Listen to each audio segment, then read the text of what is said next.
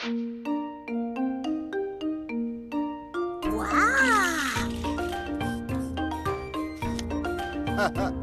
Algo equivalente. Bai.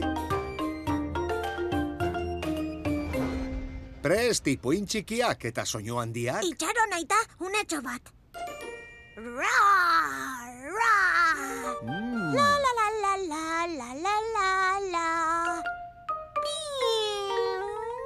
Primeran, orain bai, grabatzera seme danbor, Eta ita txor, txor, biok aurkeztuta, ipuin txiki, Soinu handi. gaur gurekin, Tara, tara, ta, ta. atzerritarra izatea ez da gauza bitxia, Patrick Alexanderren ipuina. Taran, taran, tan, tan. Nire auzoko parkean saskibaloiko kantxa bat dago. Baina saskia oso oso altu jarri dute. Horregatik niri ez zait jokatzea asko gustatzen. Pilota saskiratzea zaila geratzen zait. Nire anaiak ordea oso erraz sartzen du. Ah, aspergarria da. Arratsaldeetan osabak parkera eramaten gaitu eta niri zoragarria iruditzen zait.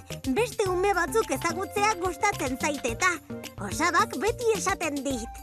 Zu profesionala zara lagunak egiten. Lehengo asteko arratsalde batean, azkenean nire anaia nagusiak oraindik ez dakien gauza bat ikasi nuen. Zabuetan hasi zen dena. Lainoei begira nengoen, eguzkiarekin jolasten eta ezagutzen enituen lagume heldu ziren. Liuratuta zeuden parkeari begira, baina lotxatiak ematen zuten. Gomazko eskularruak zeukaten ordea, paita handi baten oinak balira bezala. Kuak, kuak, kuak. Isilka hitz egiten zuten, eta ezin nuen ezer ulertu. Jakin minari ezin eutxi eta zabutik jaitsi eta euren gana joan nintzen. Kaixo, zer duzue eskuetan? Min hartu duzue? Zeizen duzue? Nik sei urte ditut eta zuek? Hitz egiten hasi ziren, eta oso azentu berezia zutela konturatu nintzen. Baina arreta jarri ezkero, haiena ere ulertzen nuen. Beisbolean jokatu nahi zutela esan zidaten, baina eurekin ez zuela inork jokatu nahi, atzerri txarrak zirelako. Atzer zer? Ez gara hemengoak, eta gurekin ez du inor jokatu nahi, gainera hemen ez dute beisbola ezagutzen. Nik jokatu nahi dut, baina... Nola jokatzen da? Lehenengo diamantea egin behar dugu. Diamantea? Bueno, lau baseak. Lehenengoa, bigarrena, hirugarrena eta etxea. Hor jartzen da bateatzailea. Batearekin jotzen duzunean urrun jaurti behar duzu base guztietan zehar harineketan joan ahal izateko. Tximista baino azkarrago. Diamanteari itzulia egin eta losterketa lortzeko. Etxeraino itzuli behar duzu arkzu pilotarekin jo baino lehen. Orain jokalariak bakarrik behar ditugu?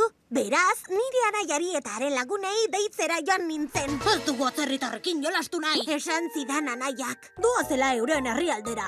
Esan zuen lagunak. Orduan, osaba gonbidatu nuen. Ura beti dago jokatzeko prest. Osaba, inork ez du ume berriekin jokatu nahi.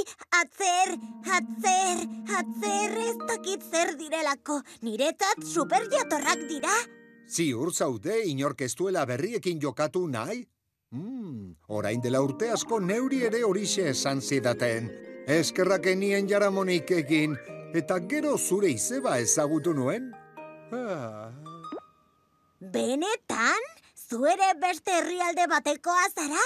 Atzekortarra zara? Atzerritarra izatea ez da inondik ere gauza bitxia. Esan zidan osabak irribarrez. Orduan, beste batzuei esan genien jokatzera etortzeko, eta taldeak egin genituen. zapatari. Eta gure lagun berriek beisbolaren sekretu guztiak irakatsi zizkikuten. Liga nagusietan bezala. Egun hartan ikasi nuen oso gogoko nuela bateatzea. Lehenengoan begiak itxi nituen eta bete-betean jo nuen. Eta orduan taldeko lagunak entzun nituen oiuka. Bizkor! Bizkor! Pilota airean zehar zijoan eta urrun joan zen. Urrun! Urrun! Urrun! orduan ziztu bizian abiatu nintzen lehen baserantz. Laguneko juka jarraitzen zutenez... Bizkor, bizkor! Zuzen jarraitu nuen bigarren basera, gauza bat bakarrik entzuten nuen. Azkar igaro nintzen irugarrenetik, eta zuzen jarraitu nuen etxera heldu arte. Gelditu nintzenean bi taldeetakoak ari ziren oiuka. Homran, homran, homran! Haze lasterketa egin duen morroskoak denek besarkatu ninduten, eta kapelak gora-goraka jaurti zituzten. Orduan nire anaia eta lagunak begiztatu nituen. Partida ikustera hurbildu ziren, eta txaloka zeuden. Eta ozen hitz eginda anaiak galdetu zidan. Eh, jolas gaitezke? Bai, ba, neuk irakatxiko dizuet. Horrelaxe osatu genituen taldeak, eta jokatzen eman genuen arratsalde osoa. Eta ala izan bazan... Sar dadila kalabazan, eta irten dadila gure herriko plazan. Tarararara,